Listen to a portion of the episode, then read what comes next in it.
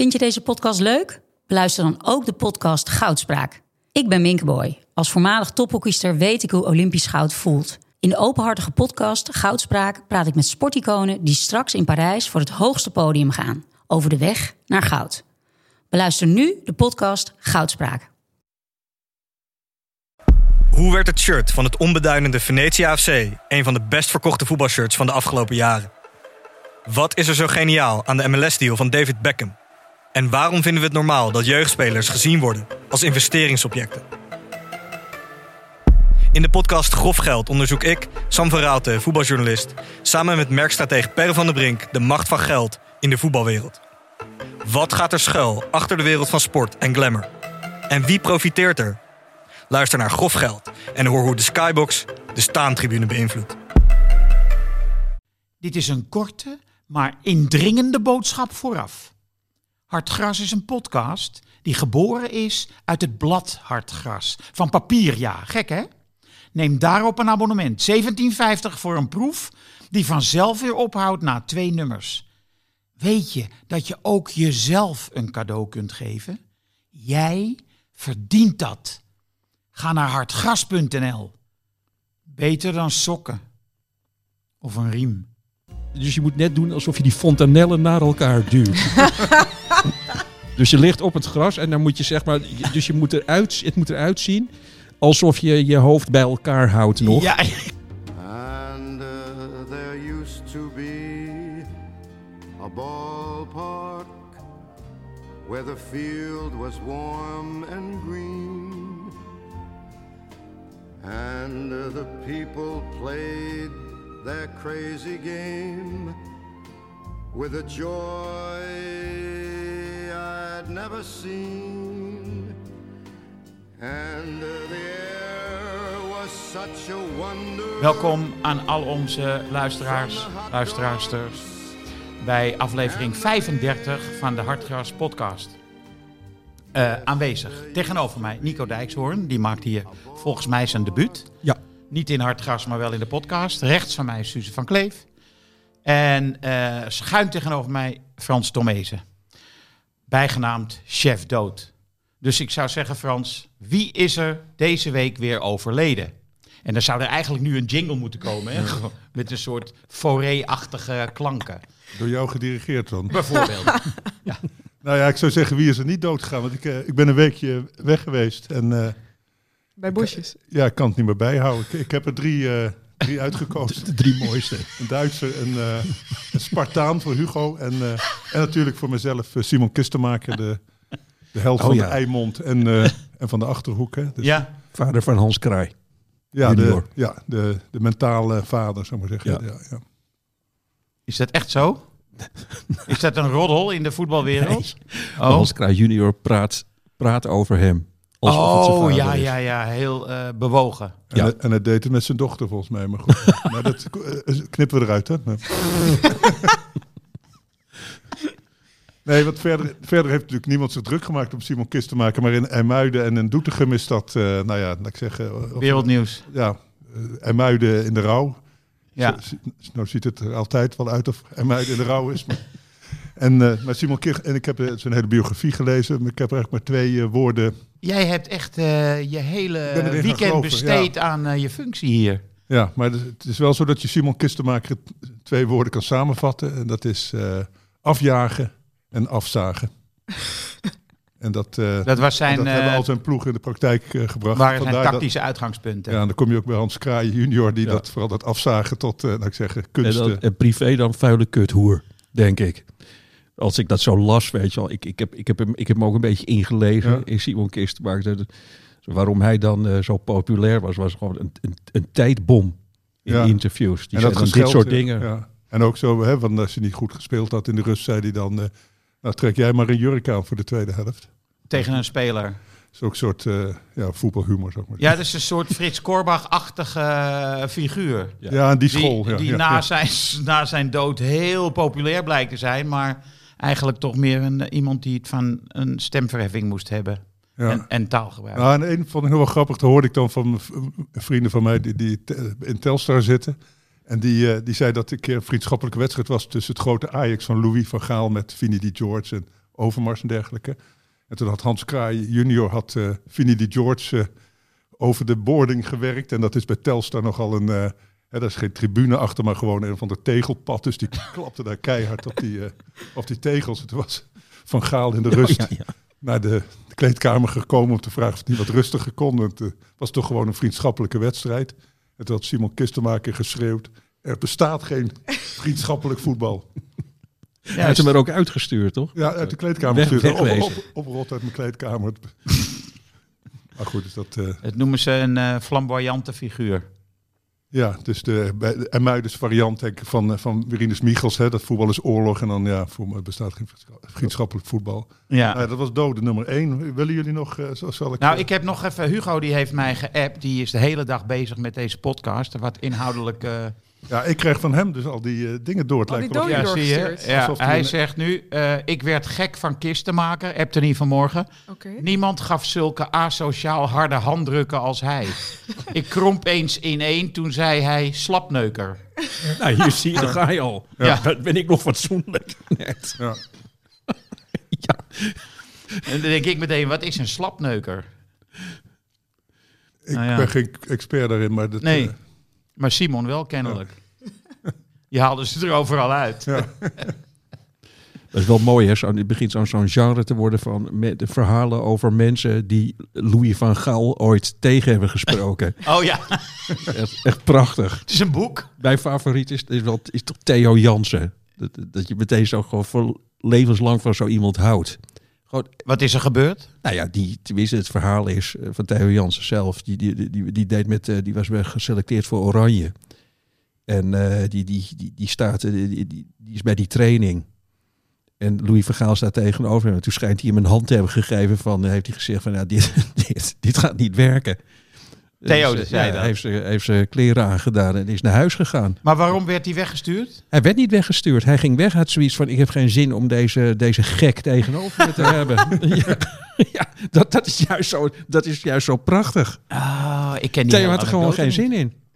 Dat Staat hij heeft dat het laatst nog verteld. Hij bij, eh, hoe heet dat, dat programma Studio, Vo- eh, Studio Oh ja, Voetbal. oh. Heeft hij dat, vroegen ze dat aan hem. En Oh zei hij van, nou ja, gewoon, ik, eh, weet je, vind alles prima. Maar gewoon, niet, ik laat me niet als een kind van vier behandelen.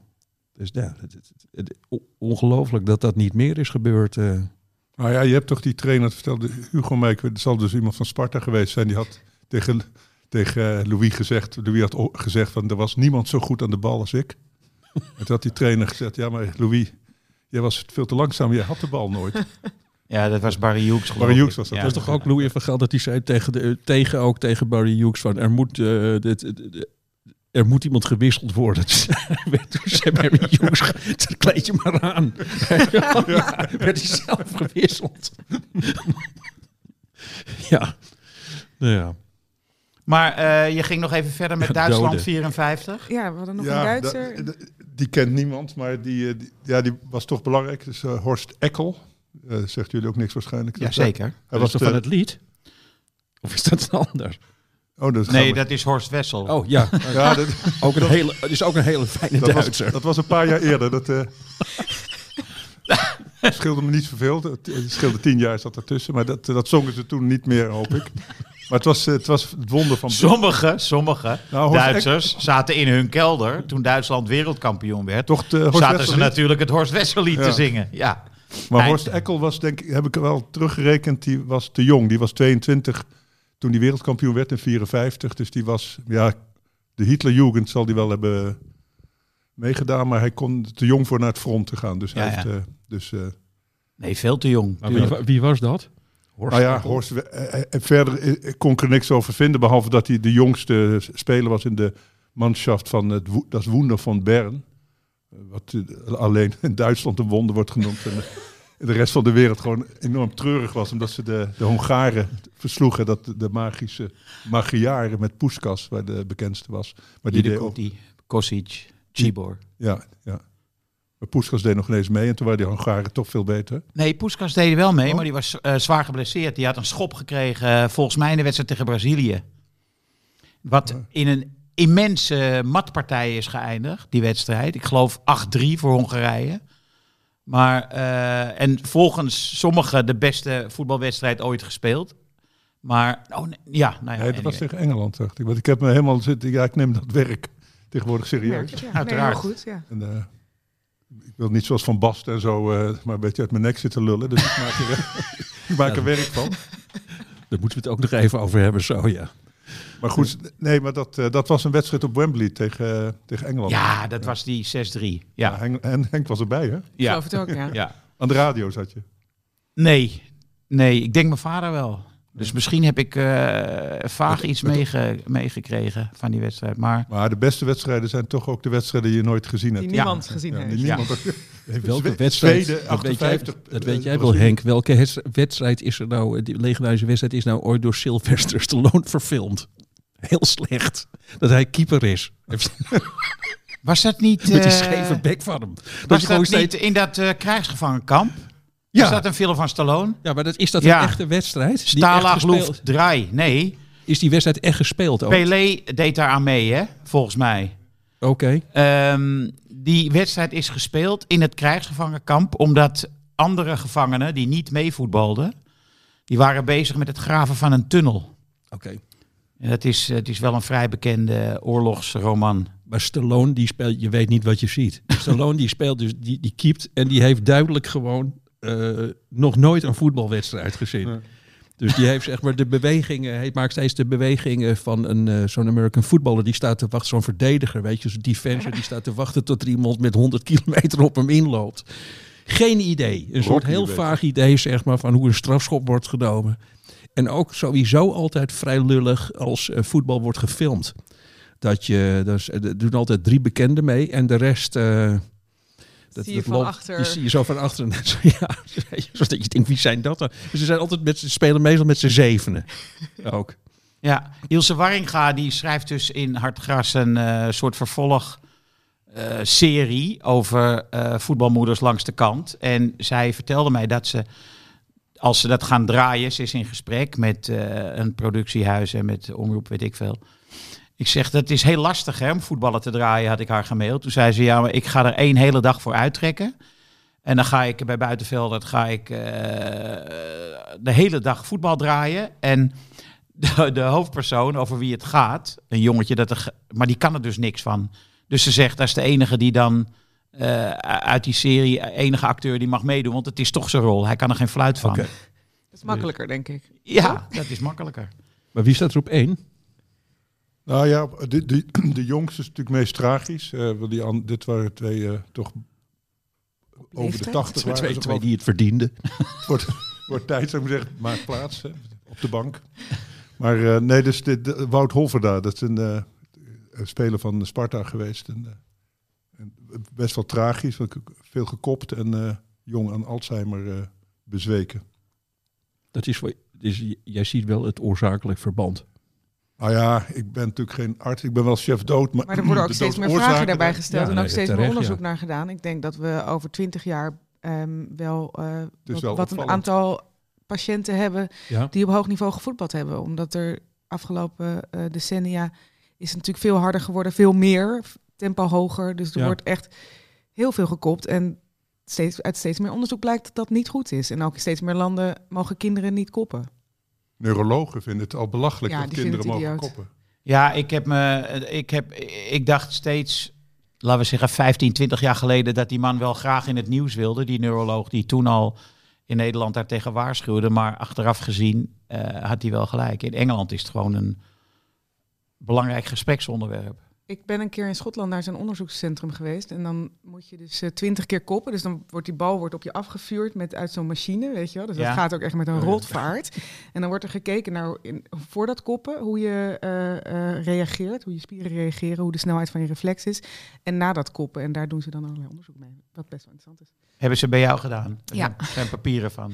Er is eh, beeld van mij eh, koppend eh, met die machine. Echt waar? Dat is wel ja? schitterend. Ik heb trouwens, ik heb eh, eh, toevallig gisteravond laat nog een column geschreven over. eh, ik stoor me zo ontzettend. Dus in verband met dit, weet je wel, dit, dit is echt een serieus probleem. Dit- dat, je, dat je iets aan je hoofd krijgt. Of, dat, dat, nee, weet je, dat, of ziek worden midden op een veld. Dus ik heb gisteren, ik, ik erg me helemaal gek zeg maar nu aan die regel. dat als je met twee handen aan je hoofd grijpt, dat je dan zes minuten, zes minuten eh, kan rekken. Ja. Je Dus bedoelt, daar iedereen heeft maken opeens- mensen gebruik van. Nou, ja. Zeker, het is gewoon, gelopen er minimaal 45 met een hersenziekte in de rond, eh, momenteel in het betaalde voetbal. Maar ik vind dat dus op, ik vind dat echt obscene, dat je, dat je in opdracht van een, want dat moet, dat moet ook van tevoren besproken worden. Dat kan niet anders. Ga maar liggen. Ik, ja, absoluut. Dat ik- denken jullie niet? Ik denk dat een trainer zegt gewoon als je gaat liggen, Grijp naar je eh, ja, hoofd. en dan moet je ook, dan is dat is ook nog, ik heb er een studie van gemaakt. Het is dan heel, on- je moet ze echt, je moet dus echt allebei je handen, je, dus je moet net doen alsof je die fontanellen naar elkaar duwt. dus je ligt op het gras en dan moet je zeg maar, dus je moet eruit, het moet eruit zien alsof je je hoofd bij elkaar houdt nog. Ja, Maar, maar dus, en je moet dus niet, dat is, dat is echt, een goed, de- echt een detail, je moet dus niet je handen voor je gezicht doen, want dan denken ze dat je iets aan je knie hebt. Oh ja, dat je ja, om je knie. ja, ja, ja, ja, ja, ja. ja. Maar dus eh, je achterhoofd vastpakken en dan heel, vastpakken. heel goed duwen. En dus juist niet dan, wat ze normaal wel doen, heel hard trappelen met je benen. Je moet dus gewoon echt doodstil op het gras Oh gaan. ja, want je-. Als je trappelt met je benen, dan Ja. is je hersenfunctie goed. Precies, dan Ja. denken ze van nou, dat, hij kan in ieder geval nog lopen. Ja. Hij, hij- hij gaat wel een lullen als hij een te maken laat. Weet je wel, maar, maar die- ja, maar dat, ik, ik stoor me daar wel echt aan. Dat ik eh, dat soort afspraakjes. Ook laatst met die keeper, was dat niet van eh keeper van Utrecht of zo, die die, die opdracht kreeg om eh, vanaf de kant van eh, ga, ga, ga maar liggen. En dat dat was gefilmd. En zo, ja, dat, ja, Die zei ook na de wedstrijd van, nou Ja. ja. die kon het niet, de schijn niet meer ophouden. Hè? Die, die zei Ja, van, nee, ik moest hij- inderdaad ja, gewoon Hij van stond het te ontkennen, maar toen lieten ze de beelden zien. Toen moest hij zelf lachen. ja. Maar is dat die paas? Ja. Ah. Aan de andere kant eh, hebben ze Gakpo natuurlijk gewoon laten lopen in het Nederlands elftal. Die eh, daarna eh, een tijdje thuis moest blijven. Ja, hersenschudding, ja. ja. Ja. Nee, maar het is ook wel echt een serieus iets. En daarom is het ook, vind ik het zo pijnlijk. Dat Als ze er gebruik dat- van dat, maken. Dat, dat, ja, dat, dat, dat er nu misbruik van wordt gemaakt. ja. Denk ik, hoe zit je dan in elkaar als eh, voetballer? Het is, ik had dan toch altijd weer mijn favoriete Rinus Israël proef eh, van stal. Dat je dus op Rinus Israël af moet lopen. Dat je zegt, ouwe, je moet eh, in, de zevende, in de 67ste minuut op, het, op de grond gaan liggen. Moet je net doen alsof je iets aan je hoofd hebt. Dat Geen, dat zou had niemand meer had niemand gedurfd. Maar nu is er blijkbaar een hele groep voetballers die dat die, die zeggen, nou, oké, eh, prima. Onderdeel, zo, onderdeel van de tactiek. en dan het ook zo slecht doen, want je kunt, zou kunnen zeggen, je kunt Ja. er ook op trainen. Maar dat doen ze dan ook Ja, nee, ja, precies. hè, met z'n allen Ja, tegelijk. doe, ja, doe het dan goed. Neem dan een coach. Ja. je laat Wilfried de Jong langskomen of zo. Die gewoon uitlegt hoe je mooi dood op een inworpcoach. podium ligt. Net zoals een inworpcoach, dat je ook een uh, blessurecoach. Ja, nee, het wordt inderdaad heel slecht gedaan. Ja. Wat, eh, welke wedstrijd had jij gisteren, Suze? RKC, NEC. Ik zeg even daarbij, voor de mensen die dat nog niet weten, dat Suze is verslaggever bij de NOS langs de lijn. RKC NEC, Ja. wat, wa- wat was er leuk aan? Er was, ehm, nou in de eerste helft eh, was er wel, ja, was het oké. En ehm, eh, de keeper liep een beetje te grabbelen van RKC, Fase. Maar dat was eh, niet de enige dit weekend die liep te grabbelen. Dus dat was een beetje het weekend van de, van Slechte de keepers. keepers, die, ja. eh, ehm, en eh, wat er leuk aan was, was dat er eh, in de, de vierde minuut van de blessuretijd toch de 2-1 viel door Roy Kuipers van RKC. Die op vrijdag voor het eerst had meegetraind. Van Den Bos was weggeplukt. En omdat hij daar op een amateurcontract zat, mocht hij overstappen. En daar dan, ja, dan de winnende maakt. is natuurlijk wel schitterend. Als verslaggever is zo'n verhaaltje natuurlijk wel leuk. Ja, en wie waren er in de studio? Hugo? Eh, Hugo was eh, in eh, de studio met Tom van het Hek. En dan zit jij te schreeuwen. Ja, dus dan, doelpunt, doelpunt. En, en dan hoor ik de regisseur en ik hoor alleen maar dat, die lelijke muziek die dan aangaat in dat RKC-stadion. Dus ik, doelpunt, oh, ja, ja, kom bij je, kom bij je. En dan wordt de andere commentator op dat moment, die zat Go Ahead Twente in te leiden, die wordt afgekapt. Want eh, Ja, moet even, ik moet even gaan roepen. Dat is altijd eh, zo mooi. Ik hoorde deze week in kunst, als het in kunststof gebeurt. Ja, Dat is echt het allerbeste. Ik Ja. zit van de week te luisteren. Er zit daar iemand die heeft het net zeg maar over, nou weet we, de, de, van de, dat hij ziek was geweest en dan helemaal. En die gaat dan naar een soort magistrale zeg Ja. maar eh, climax. Ja. Gaat hij toe? Wacht, even, wacht even, of niet Meijer of zo. Weet ik veel. Er is gescoord in Den Bosch. ja. Dat is zo goed man. Maar ze kunnen het ook zo goed hebben bij kunststof, hè? Kunststof. Ja, zoiets van nee, dan komen die, die, die, die, die proleten er weer tussendoor. ja, flitsen in de lopende programmering, zoals we dat dan noemen. Dat Wordt brengt op- af en toe wat... eh, ja. Wordt niet op prijs gesteld. Oh, dat was zo geweldig. Zo hebben ze zich dan ook gewoon vier maanden aan alle familie gebeld. Ik ben vanavond bij kunststof. Ja, ik heb dit ook, want dit deden we ook wel eens met, met groot nieuws. Dus toen ik nog in het Verenigd Koninkrijk correspondent was, toen was er een Brexit-stemming. En op een gegeven moment gingen we alle Brexit-stemmingen eh, maar eh, uitzenden. Eh, dus in het lagerhuis. En toen moesten we ook in kunststof flitsen. En dat ging ook maar door. Terwijl er was een heel dramatisch interview met iemand die een heel moeilijke tijd had meegemaakt. En dan kwam ik elke keer maar weer van, nou, ze lopen weer naar de lobby. En dat is echt vreselijk. Het is ook in hele vrolijke items een spookrijder. Dat is ook een heel dat je, dat je gewoon, je ziet toch dat ongeluk meteen voor je. Ja, en dan moet die presentator dat weer oppakken. Dat is ook allemaal niet makkelijk. Oh, prachtig man. Het grappige is natuurlijk dat ze het bij tv niet doen. Nee, Dus wat dat betreft is radio een tikkie onder, ondergeschoven kindje. Dat zou mooi zijn man. Midden in zo'n verhaal van Ruud Gullit. Midden in Maestro. Hoe, hoe het vroeger was bij AC Milan. Dan, eh, het is verkeersinformatie. Van, Bas, van Basten die net iets uitlegt. ja man. Oh ja, dat was weer feest gisteren. Rondo. Nou, ehm, zal ik dan maar zelf iets over Maestro vertellen? Want eh, jullie hebben allemaal niet gekeken natuurlijk. hangen aan Nee. je lippen. Klopt. Wat? Ik, ik Nee. Niemand Max, heeft eh, gekeken? Naar Max te kijken. Max Verstappen. Ja, die had, eh, ik hoorde vanmorgen op de radio dat er 2,5 miljoen kijkers naar eh, Formule 1 hebben gekeken.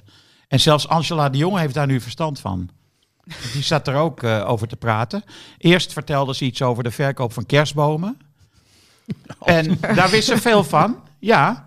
Toen werd ze overvallen door de presentatrice die zei... op eerste kerstdag zendt SBS een brandend haardvuur uit. Nou, Angela de Jong wist dat nog niet. Nou, die was volkomen van slag. En die kwam toen weer terug met eh, Max Verstappen... dat ze dat, daar alles van wist, Formule 1 en zo. Wat vond ze ervan? Ja, ze stond helemaal achter Max, als één man. Stond ze achter Max. Nou, ook zeg maar de presentatoren en de, in de studio ook hoor. Dat, Nee, nee, dat klopt. Dat, Maar- moet toch het mooiste beeld zeg maar, van de laatste jaren zijn. Dus drie journalisten die dan eh, naast een tafel op het circuit van Zandvoort naar het volkslied staan Ja. Geëmotioneerd. Ja, ja. ja dat, En daarna een soort comment- neutraal commentaar moeten doen. Nou ja, ik, het was gisteren ook. Het was stuitend. Eh, Stuitend. Die, het- ze zijn allemaal stom verbaasd dat ze niet mee worden genomen naar die nieuwe omroep. ja. Nou ja, het is, die, die zitten gewoon al twaalf jaar in reservetijd. Nou, eh, Angela de Jong nam het heel erg op voor Olaf Mol. Ja, laars erop zeg. Nee, ja. Ik, Olaf eh, Mol. ik geef alleen maar door. Maar ben- ik heb ook het idee dat al die mensen overal nu aan het aanschuiven zijn om te vertellen dat Ja. ze niet mee mogen en daar Ja. hun ongenoegen over te uiten. En, eh, Een soort Fidan-reactie. Die zag ik ook nu weer uitleggen. Met Johnny de Mol. Half jaar nadat ze weg is gestuurd. Nog steeds over het telefoontje. En hoe was dat toen hij het telefoontje kreeg? Wie had er gebeld, Frans Weet Klein? ik veel. Ja, ik vermoedde wel al iets. Ik moest, ik moest er naartoe. Dan weet je genoeg. Jezus Christus. Ja, nou ja. Oh. Pelle, laat dat fragment eens horen. Kill him, he's gonna kill the flute player. Oh ja? It's gonna kill the flute player. Dat zegt die, eh, dat jurylid. Waarom? dat jij de Maestro. flutplayer... Nee, ik ben de dirigent. Ja? En hij zegt over mij, he's gonna kill the flute player. Waarom? ik ging te snel. Ja, je ging steeds sneller. Het was ook Ja. wel een soort achtervolging werd het. Ja, ja. Waar die, waar die fluitist eh zeg Ja. de ademhappen. Die werd- Maar toen heb ik, eh, toen heb ik na afloop gekeken op eh, NPO 1 Extra. Er was een soort aftertalk. En eh, toen interviewden ze de fluitplayer, die fluitist. Schijnt een hele beroemde fluitplayer-speler te zijn. Dat is de vriend van Bas Heijnen, is het. Is dat zo? Ja. Mijn god, hij was woedend op mij, want ik keek, keek hem niet aan tijdens Weet het jij spelen. weer? Hij ik heb, zegt, ik ja, heb informatie die dirigent die keek mij niet aan. Ja, A, dacht ik, dan moet je wel weten waar de fluitplayer zit. Dat wist ik niet.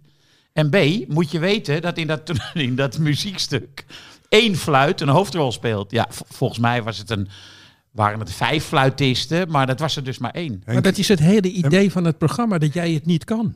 Nee, maar dat had Henk Toch? moeten weten, want het was gewoon Thijs van Leer heeft daar een hit mee gehad met dat uh, Ja, dat klopt. Ik had en, dat en moeten Bertien weten. Stenberg ook nog. Dus dat hoort toch wel tot eh, algemene ontwikkeling. voor of naast Maar het Frans, jodelen? ik was alleen maar bezig met 1, 2, 1, 2, 1, 2. Ik, ik, dat had ik in mijn hoofd ge- opgeslagen. En steeds sneller dus. nou ja, 1, dat- 2, 1, 2, 1, 2. Nou, kijk, tijdens het oefenen ging ik te langzaam. Dus ik was helemaal doordrongen van het feit dat ik zeer snel moest. eh, ja. dat. eh, Ja, maar je ging inderdaad in demareren en toen voelde je dat, dat die fluit het niet meer bijhield. Toen ging Ja. jij langzamer, steeds Ja. langzamer. ja. En het eindigde een soort eh, heel langzaam, soort, soort elegisch graf, eh, Maar wat, ik, grafmuziek. wat ik niet snap, Maar ik had het einde wel heel goed hoor. Ik was ja, zup, ja. Dat zei die Isabelle van Keulen terecht. ja. Heel erg veel geluk. En ik had ook geluk met het feit dat ze het commentaar van die Dominique na afloop hadden ze eruit geknipt. Oh, ja. Maar die maakte mij zo gigantisch af. Ik dacht, ik krijg jou nog wel, ventje. Ja. Met je filijne, sadistische lach. En hoe dan precies? Ja, Ik kan me niet zo goed herinneren, maar... Maar eh, hoe ga je hem nog krijgen? Nee, dat kan niet. Nee. Natuurlijk niet. Maar dat zijn de dingen die je dan denkt. Maar wat mij wel opviel, ze- ze zeiden op een gegeven moment wel, het belangrijkste is als je tegelijk begint, als ze allemaal tegelijk beginnen en tegelijk ophouden. Dat had jij wel goed voor elkaar, vond ik. ze waren allemaal opgelucht waarschijnlijk. Hey, hey, maar eh, Henk, eh, wat, ik, eh, wat ik niet begrijp is, het hele idee van dat programma is toch dat, eh, ik zie altijd, als ik er naar kijk, zit het hele orkest zo ver zo, ha ha ha, hij doet het verkeerd. Het is, dat, is, dat is de lol van het programma. Er staat gewoon een beunhaars te dirigeren. Ja. En, eh, en dat orkest, dat, dat ligt in een deuk. en, en dan de minst slechte wind. Ja, ja. Ik vind het zo raar dat zo'n, ik weet niet wat ik dan eigenlijk- wat ik hoor, dat zo'n fluitspeler heel zagrijnig gaat Ik vind zitten het schitterend. Wat had je dan verwacht? Dat, dat hij alles goed zou doen? Alles goed. Nou, is dat toch is heel wel- raar Ja. dat je daar heel boos over wordt. Ja, dan gaat je gewoon, dan knik je toch, dan knik Ja, je dan toch zo van, je, nou, we gaan die man even vooruit helpen, Ja, of- weet of je wel. zo? Be- Zo- Misschien is heel boos worden een beetje overdreven door mij, maar hij was... Ja, maar verontwaardiging Ja, over dat jij, jij staat er in totale paniek. Hè? eh, Ja. Een beetje te proberen om Ja. ze tegelijk te laten beginnen en tegelijk eindigen. Dat is eigenlijk de opdracht waaraan je wil voldoen. En dan Ja. gaat hij eh, verontwaardigd zijn dat hij niet wordt aangekeken. Ja, gepikeerd. Echt gepikeerd. Hij, ke- hij keek me niet aan. Zo, weet je? Terwijl, het, terwijl wij weten, weet je wel, als eh, mensen die met jou op een podium hebben gestaan, hoe moeilijk het is om jou sowieso in de spotlights te krijgen. Wij moesten gewoon voor iedere hardgrasvoorstelling, moesten we drie kwartier smeken of je één gedicht voorlas. Omdat je zeg maar ons allemaal zegt, nee jullie jongens, gaan jullie lekker, gaan jullie lekker. En, dan sta, en precies die man, die ik zo ken, die staat nu met een stok heel hard gewoon een volkomen symfonieorkest te leiden. Jij, nee, maar dat is echt jouw, eh, niet jouw imago. Zo was jij echt. En zo ben jij Henk, weet je wel. Zo altijd juist zeg maar, andere mensen zeg maar, in het licht duwen. Ja, toen, toen vroeg die interviewster aan hem... eh, en heb je dat nodig, dat contact? Iemand die de, die de wereldzeeën heeft bevaren met zijn fluit. En die zei, ja, dat heb je wel nodig. Ja, maar alleen met een fluit is niks, Henk. Dat, dat eh, begrijpt iedereen.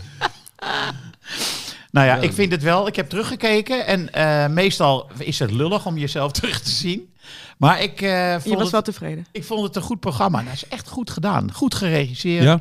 Ja, het is vertellen een verhaal. Er, er worden ook dingen omgewisseld. En eh, bijvoorbeeld die gemene opmerkingen van die eh bassist van het Concertgebouworkest tegen mij waren eruit gehaald. Maar hij zei ook tegen een eh, zwarte disjockey dat ze eh, heel sexy was geweest tijdens het dirigeren. Dat zag ik opeens ook niet meer zitten. Jeetje. Dus dat, eh, ik weet niet. Ik, de, de Jij afro- zit nu alles wat er uitgeknipt is eventjes te herhalen dus. Nou ja, eh, leerzaam, toch? Ja. Dus heeft- wat, wat we hier eh, ook doen. Ik zit even te denken, heeft, heeft een van jullie wel eens meegedaan aan dat programma dat ze met je naar zo'n gemeentearchief gaan en dan kijken? Nee, Hugo heeft erin gezeten. Ja? Ik niet. Nee, jullie niet? Nee. Nee, jij? Nee, nee. Ah. Dat lijkt me zo eng. Slimste mens? Nee, nee, dat is te vreselijk. Nee, maar bijvoorbeeld dat, daar zie ik dan wel voor me. Dat je dan, dat je dan zeg maar naar zo'n, zo'n dat ze met, met z'n na je, je geboorte, van hier, nou, hier woonde je oma. En dat je daar dan, dat je dan bij zo'n wezenloos, dat er zo'n vrouw daar varkensvlees staat te bakken in een keuken. En dan moet je, dat je moet zeggen, jeetje. God, ja, ja, nee. Godverdomme, ja. Zo, Nee. inderdaad. Ja. Nou, die heeft het ook, ja. Die heeft Nee, het niet moeilijk, niet makkelijk leuk. gehad. En, dat, en daarna weet je wel de grootste. En dat je hoopt dat je naar Indonesië gaat. Dan zegt Nico, in Keulen. In Keulen liggen jouw roots. dat lijkt me echt... Nou, ik, dat zou, ik, daarom, daarom alleen zou ik er al niet aan meedoen. Eh, even, Voetbal. even, even terug naar het voetbal. Eh, ik las, en dat vond ik wel interessant, dat eh Savi, de nieuwe trainer van eh, Oh ja. Xabi van Barcelona, die heeft Memphis gecorrigeerd. Die heeft gezegd, hij moet leren eh, het moment te herkennen dat hij de ruimte moet kiezen, of dat hij de bal moet naar een medespeler moet eh, ge- aan, aan, een medespeler moet geven. Ik dacht bij mezelf, gaat dit werken bij Memphis? Dit soort opdrachten. Nou, ik, hij doet het natuurlijk in het openbaar. Dat is interessant, want het is een correctie omdat hij dit in de, in de media zegt. Het is geen correctie als hij dat op de training zegt. Hè? Weet je, precies, Memphis ja. van eh, eh, doe even dit, loop even weg van de bal in plaats van alles maar in de bal te komen. Hij doet communiceert iets. Hij doet dit heel bewust Ja. in het openbare publieke domein. Ja. En of dat werkt? Nee, toen Koeman het deed, werd hij daarvoor afgezaagd dat die spelers altijd in het openbaar Ja. eh, af, eh, afvalt. Ja. Nou, ik heb die documentaire gezien van de Memphis. Ik heb niet het idee dat hij zich daar één, één moer van aan gaat trekken. Ja, maar ik denk ook niet dat hij eh, in staat is om, als hij aan het voetballen is, zich dit soort aanwijzingen te herinneren. Ik denk dat hij, nee, ik denk dat hij gewoon voetbalt. Te veel gekopt. En dat, nou nee, dat niet eens, maar dat het bij hem een intuïtieve zaak is. En vind jij dat een goede zaak of een slechte zaak? In het geval van Memphis, ja, maar jeetje, soms is het wel goed en soms niet. Dat is omdat hij soms de goede beslissing neemt en soms de verkeerde beslissing. Maar als je als trainer gaat proberen om een voetballer als Memphis, Maar hij is dus niet te coachen. het lijkt mij lastig. En dat moet je dan accepteren als, als trainer. Van nou ja, Nou ja, Ja. hij is wat hij is. Ja. Ja, ik weet het niet. Er zijn natuurlijk, ik, ik weet niet of Kluivert bijvoorbeeld vroeger of dat een coachbare speler was. Ik had altijd het idee dat hij eh, gewoon concentratieproblemen had. Eh, half uur goed, kwartiertje weg en dan weer een kwartiertje goed, et cetera. En het- hetzelfde dat zie je wel bij Memphis ook. Ja, maar het verschil met Memphis is, kijk, dat had eh, Van Bast ook, die kon je soms ook 80 minuten niet Ja. zien, of Bergkamp, maar dan zaten ze ook niet die bal de hele tijd op te halen en eh, weer nee. de tegenstander te geven. Ja. En dat doet hij, dus hij verpest het wel heel erg voor anderen, omdat hij heel veel aan de bal wil zijn. En dan de, ja, meer dan de helft van de keren raakt hij hem kwijt. Denk je niet dat Vin Stokkers, die gaf gisteren die bal aan eh, die eh, Kuipers? amateur van Den Bosch. aan die Ja. Kuipers. Ik denk niet dat Memphis dat gedaan had. Ik- 100% nee. Die had hem of het stadion uitgeramd, of Ja. schitterend in de kruising eh, geschoten. Ja. Maar nee, natuurlijk niet. En die Stokkers, die, hè, die heeft ook nog niet gescoord. En die staat, eh, tegenwoordig is hij derde, derde spits geworden. Want eh, hij mocht ook niet spelen voor Kramer. Dus die Daniel stond er. Dus dan kom je erin. Dan kan je eindelijk je eerste doelpunt van het seizoen maken. En dan leg je hem af. Het was een geweldige keuze, want... hè, Hij eh, stond er beter Kuipers voor. stond er beter voor. Ja. Maar eh, wel eh, genereus, vond ik het. Ja. Mooi. Denk Zoiets je, ook- als, Denk je eh, ook zeg maar, dat, dat, dat dat ook meespeelde? Van de, ik geef die jongens zijn eerste doelpunt. Nee, ik denk, dat denk ik niet. Ik denk echt dat hij gewoon puur de keuze maakte. Ik zie deze blauw met gele eh, eh, t-shirt er beter voor staan. Eh, want ik denk dat het in de split niet per se gaat over Roy Kuipers. Ik denk dat ze niet eens van elkaar bijna weten hoe, hoe ze heten. Want die, die Roy die kwam vrijdag pas aan. Dus, dus ik denk dat het vooral eh, gewoon een, een, een intu- intuïtieve keuze is. Hij staat er beter voor. Oké. Ja, denk ook voetbalbeslissing. Ehm, Want anders gun je jezelf misschien ook wel je eerste doelpunt. ja. Ja, dus ook waar. Voordat we verder gaan, Ja. moet me even van het hart dat eh, wij zitten hier dankzij Toto. Toto speelbewust 18 plus. eh, is de sponsor van dit programma. En eh, we moeten er wel altijd wel even de nadruk op leggen dat je als je beneden de 18 bent, mag je niet gokken. Is dat duidelijk? Dat we dat even weten. Helder. Gaan we nu de wedstrijd ook Wel meteen even doen? Mag was wel. Ajax, ehm, Ajax AZ. Het is Ajax AZ of AZ Ajax spellen? Ajax AZ. Ajax Nico, eh, jij mag een stand noemen, een eindstand. eh, ten behoeve van de Toto. En eh, ook een doelpuntenmaker. Eh, ik denk 1-1. Ajax AZ 1-1? Ja. Oh, Nou, omdat dit is echt typisch zo'n wedstrijd, zeker vanuit AZ gezien, eh, de- waar, waar ze... Nou ja, je weet het, ik heb daar een tijdje in rondgelopen, omdat mijn zoon daar voetbalde. En er is daar zo'n gecultiveerde haat richting Ajax. En zo'n gecultiveerd minderwaardigheidscomplex richting Amsterdam. Dit is de wedstrijd van het jaar voor AZ. Absoluut. Dit, het is, weet je, het, je mag verder, eh, dit- verder maakt het niet uit. Maar daar, eh, daar winnen, of, eh, of eventueel dan een gelijk spelletje, dat is, ja, dat, daar kunnen ze een half jaar op vooruit weer. Dus ik denk, zo'n wedstrijd wordt het volgens mij wel.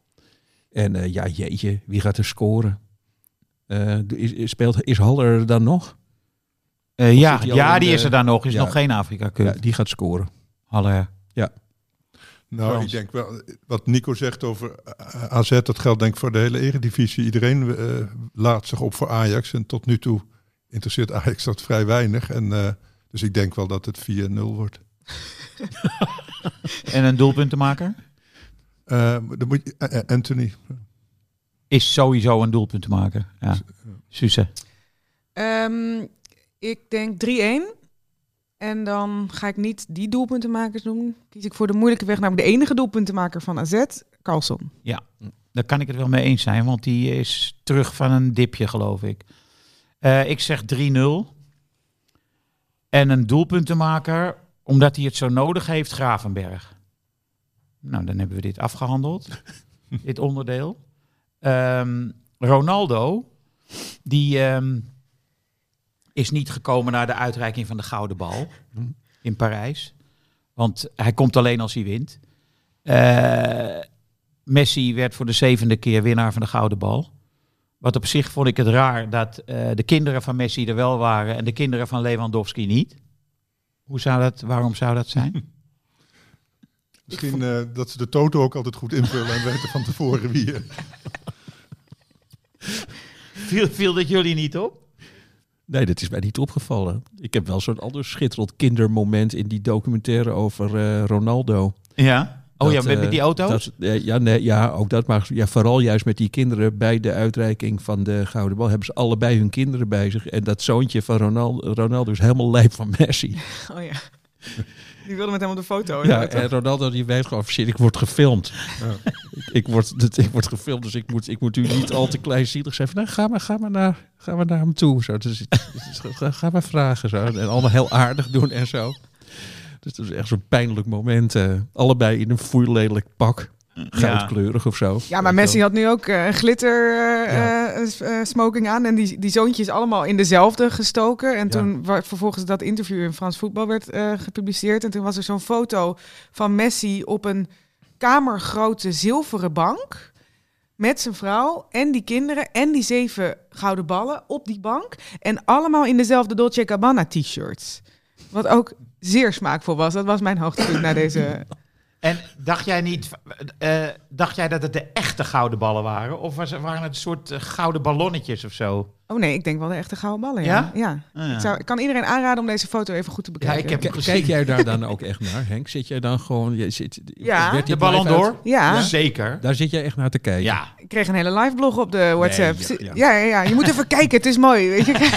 En wat, wat, trekt, wat, wat, wat trekt jou dan aan in die... eh, Nou, ik, kijk, om te beginnen schrijft Carolina Trujillo in Hartgras ehm, een verzonnen, eh, verzonnen verslag van telefoongesprekken tussen Messi en, eh Ja. en Ronaldo en sorry, Suarez.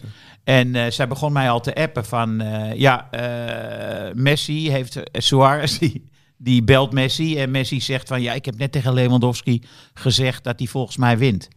Dus weet je, dat het zogenaamde dolle is al begonnen. Maar ik vind dat wel heel erg interessant. Kijk, Messi wist natuurlijk dat hij ging winnen vanwege die kinderen die daar zaten. En dan zit hij gewoon een hele avond naast Lewandowski. ja. Maar ze keken allebei nogal recht vooruit. Dus niet vragen, heb je nog een goede film gezien? Ja, nee, nee. Weinig chemie tussen die twee. Nul. Echt niet. Dus dat vind ik sowieso wel leuk. Ik vind het heel erg leuk om DJ Drogba te zien eh, presenteren. Eh, in zijn tijd echt de beste spits van Europa. Eh, ja, dat soort dingen. Ik vind sowieso, als er een wedstrijd gaande is, eh, vind ik het leuk om te kijken. Die legendarische, hoe heet hij ook weer? Die, die Franse voetbal, die krankzinnige toespraak van hem toen. Dat was toch wel echt het hoogtepunt ever van die, hoe heet hij? Cantona? Ja, Cantona met een soort, ja, een, een soort heel slecht vertaald gedicht uit, eh, weet je wel, uit de Griekse oudheid. Eh, Van die vogels. Met, met opeens heel persoonlijke, ja, het was gewoon dan die verbijsterde zaal vlak voor van, wat, wat is dit? Ja. Wat, wat, wat, Ja. Waar heeft deze gek het over? ja. Dat was echt prachtig, was dat. Eh, ik vond ook dat het in een prachtig theater werd het, eh, werd het opgenomen, of niet eens opgenomen, was het een live, eh, daar, van daaruit een live verslag. Vond het allemaal mooi. Eh, Ronaldo, die heeft dus, eh, toen zette, deze week zette iemand, Een fanaccount, toch? Eh, ja, op een Instagram. fan- een fan-account, die noemde allerlei eh, bewijzen, statistische gegevens, waaruit zou moeten blijken dat Ronaldo recht had op de gouden bal en niet Messi. En Ronaldo zet daar dan onder feiten.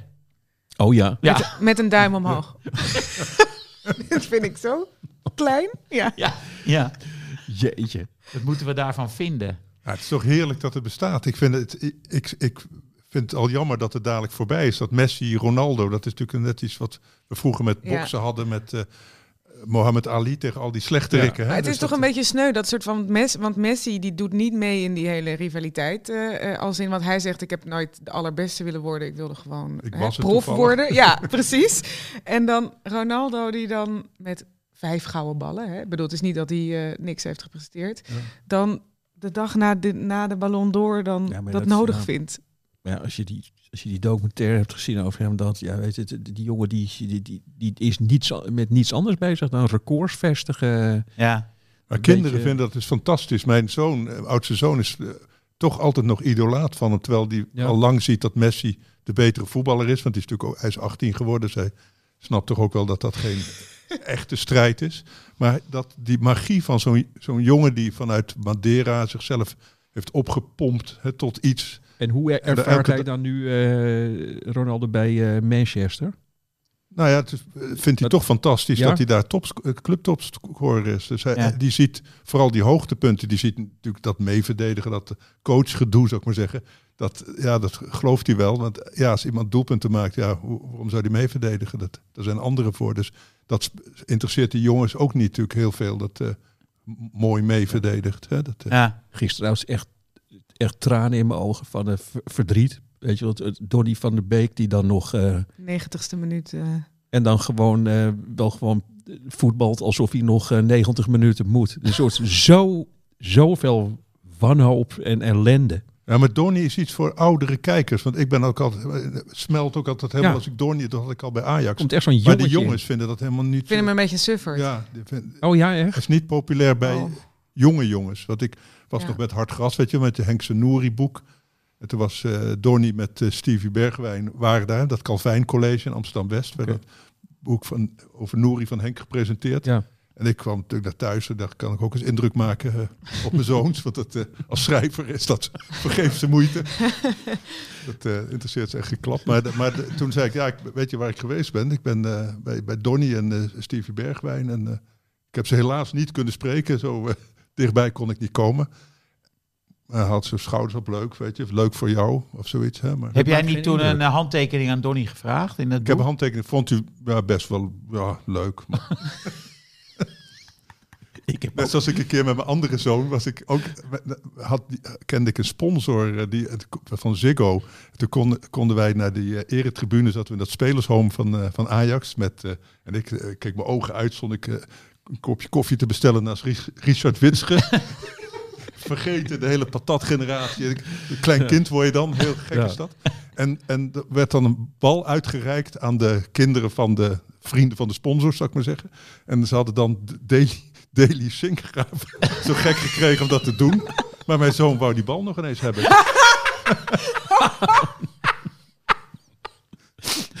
Ja, wat goed. Maar ik heb altijd wel een zwak voor, om terug te komen op Donnie, op dat geploeter. En dat, het is toch een jongen uit een jongensboek en het is iets, ja, het, het appelleert bij mij aan heel veel eh, zaken. Ik heb zeg maar, in, in, in deze sfeer heb ik toen bij de wereld draait door een, een ongelofelijke fout gemaakt. Ik, ik zat daar natuurlijk, ik, weet je, ik schrijf dan voor de, voor de VI en eh, daar zit af en toe wel kutstukken bij over mensen. En dan- dus het was iedere keer toch, als ik keek wie is er vanavond te gast.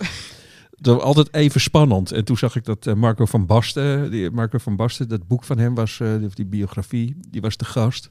Basta. Eh, ja, en eh, dus ik, weet je, nou ja, ik ging helemaal los op die omhaal van Den Bosch. Want daar stond ik, ik, ik, ik stond daar echt gewoon met mijn vader zo achter. Dus er werd een soort episch... eh, Was jij er ook Zo. bij? Ja, ik, ja, ja. ik ook. Ja, ja, ik stond daar echt, ik stond Ja. daarachter. Ja, Ja. Dit- oh, op die staantribune. ja precies. Ja. Ja. Daar stonden Jij we ook? samen op die, stond samen Nee, op die ik zat op die tribune. Reynolds-tribune, dus ik zag het. eh, Nee, ik stond altijd zo met mijn ja, ik vader. ook op vak G. hè.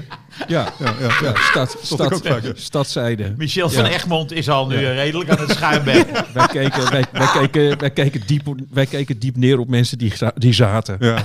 Ja. dat vonden wij helemaal niks. Ga verder. Maar in ieder geval, ik sta dus, eh, dus ik deed een, eh, eh, nou ja, weet je wel, ik zet me enorm in het zonnetje, fantastisch dit. En eh, ik loop zo naar boven daar, weet je, die artiestenruimte bij de wereld draait door. En eh, Mar- Marco van Basten, die staat met zo'n hele ploeg insiders, een paar voetballers en mensen die om hem heen hangen en zo. En ik sta er zo, ik, ik, ga er, ik sta er zo'n beetje bij, hij wenkt er zo van, we staan zo. En die was blijkbaar toch dan een soort van, nou, weet je wel, Vereerd. een beetje vereerd. En die zegt tegen mij eh, van, weet je wat Nico? eh, eh, hij zegt Nico, eh, morgenavond is de presentatie in de stad, Schouw, in de stad Schouwburg. Eh, kom je? En ik zeg, nou nee. Dat was totaal not done. Ik had er namelijk gewoon echt geen zin in. Zo van, eh, zo van ja, dan, eh, dit, ik had gewoon wat anders te doen ook. Maar dat gewoon, er werd veel te hard gelachen door al die mannen die Iedereen bij hem stonden. Zoiets van, dat kan, dat doe je, dat kan echt helemaal niet, weet je wel. Je wordt uitgenodigd door Marco van Basten. Dan ga je. Daar ga je. Maar hij kon er zelf ook wel als iets van, hij kon er zelf volgens mij ook wel om lachen. ja. Eh, nog even over Ronaldo. Ik las vanmorgen dat Cassano, met wie die bij, geloof bij Milan heeft gespeeld. Eh, ja, of Inter. nou. Nou, anyway, ze, ze waren ploeggenoten. En eh, of Cassano had iets lulligs over Ronaldo gezegd. Dat Ronaldo aan allerlei clubbestuurders had gevraagd: wat is het nummer van Cassano? dat hij hem gewoon heeft bestookt met appjes. Ik heb er 800 gemaakt. Hoeveel heb jij er gemaakt? Weet je wel? Is echt ongelooflijk. Heb jij dit wel eens gedaan? Verhaal gehaald bij, eh, bij iemand? Nee. Nou, ik vond wel dat Harry van Meegen er slecht van afkwam bij Maestro. Wat? Je had toch zo'n fi- je had toch zo'n filmpje waarin, Oh ja, ja, ja, ja. ja, Waarin ja. je de- dat hij niet kon zingen. ja, waarin jullie hits werden doorgenomen. Dus het muzikale oeuvre van Henk werd ook nog eventjes uitgelicht voordat, voordat Henk zelf aan Bach begon.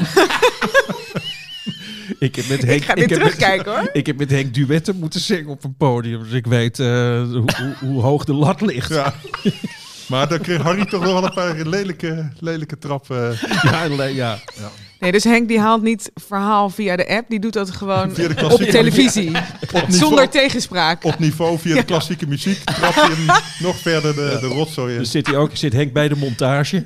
Ja, ook zo. Doe dat er maar Ja, in. Doe dit maar. Hoeft nee, hoeft er niet uit. Hoeft er doe- niet uit. Harry, Harry er maar in. Zet maar aan. Oh, jouw eh, Richard Witsche anekdote aan de bar. Ik was met eh, Matthijs het begin van eh, Hard Gras. Nick Hornby die kwam eh, het eerste nummer eh, in ontvangst nemen of zoiets. Iets dergelijks, iets ceremonieels. En wij hadden hem meegenomen naar de Ajax. Eh, na de training mochten we in het spelershome. en Hornby was gewoon wel een beroemde schrijver. Redelijk beroemd. Eh Fever Pitch was echt al, al een bestseller. En Ronald de Boer, die is heel hartelijk altijd. En die eh, geeft in het voorbijlopen, die zegt, hey Henk, je bent Thijs. En die geeft Hornby een tikje op zijn schouder. Zit in de Hornby. Heb ik nou net een tikje op mijn schouder van Ronald de Boer gehad? Hij gaf me een tikje op mijn schouder. Zagen jullie dat? Zagen jullie dat Ronald de Boer een tikje op mijn schouder gaf? De hele tijd. Echt ongelooflijk. Nou, dat hadden wij toch ook met die hardgras bijeenkomst met Knausgaard. Toen eh, Ruud van ja. Nistelrooy... eh, Oh ja, ja, ja, ja, ja, die, ja. die Knausgaard is natuurlijk ook wereldberoemd. Maar Die, die stond echt met knikkende knieën tegenover eh, Ruud van Nistelrooy. Nee, want wij, wij, ze zouden samen op een bank zitten. Ja. En eh, op het podium. En Hugo en ik zouden ze interviewen. Min of meer als duo, maar eigenlijk apart. En toen vroeg Knausgaard aan, eh, aan mij... Vind je het goed als ik ook een vraag stel aan Ruud van, Nistel, van Nistelrooy? Toen viel een enorme last van mij af. Want ik dacht, jezus, dat is eh, lekker makkelijk. En dat bleek ook. Want eh, die zaten op het laatst alleen, alleen om met, Ja. met elkaar te praten. Ja, Wat vroeg hij toen dan? ja echt. Weet je dat nog? De- eh, van alles. Dan Ja. moet ik wel zeggen dat ik die van Nistelrooy ontzettend leuke figuur vond. Ja. Ja. ja. Ja. Viel me enorm. Ja, nog, eh, ste- ja. ja. volgens mij nog steeds wel, toch? Een Ja. benaderbare, aardige Ja. gast. zeker. Met zo'n baard die er altijd op getekend lijkt. Zoals als, als in kuifje. Ja, maar ik vind het ook wel slim hoe hij zijn trainingscarrière, et cetera, opbouwt. Het is Ja. best eh, bescheiden en rustig hè, ja. aan, Ja. in tegenstelling tot wat generatiegenoten. Nou ja, hij is dat, ook laat eh, begon. Hij is heel lang amateurvoetballer toch ook geweest? Nou, hij heeft niet meteen besloten om, eh, om trainer te worden. Zeker niet. Nee, maar als voetballer is hij toch ook la- betrekkelijk laat ontdekt. Dat hij Oh. via Den Bosch en Ja. zo, toen was hij daarvoor nog... Volgens mij voetbalde hij bij de amateurs op zijn negentiende. Wel een, en ook wel een hele moeilijke jongen voor trainers, toch? Ook wel iemand die gewoon eh, die, die zakken omschopte. eh, Nou, en ja, hij zakken Van omschopt Basten. als hij... En van, van Basten, die moest, hem, die moest toch een mop vertellen? of voor straf? Die had, ja, dat is toch het verhaal dat hij in Duitsland eh, had Marco van Basten. Die had een afspraak. De afspraak was als je lekt naar de pers. Dus als je, de, eh, als, als je het niet binnen, binnen de selectie houdt.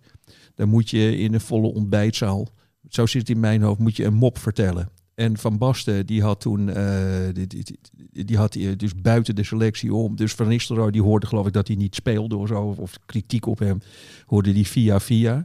En daar heeft hij Van Basten toen op aangesproken.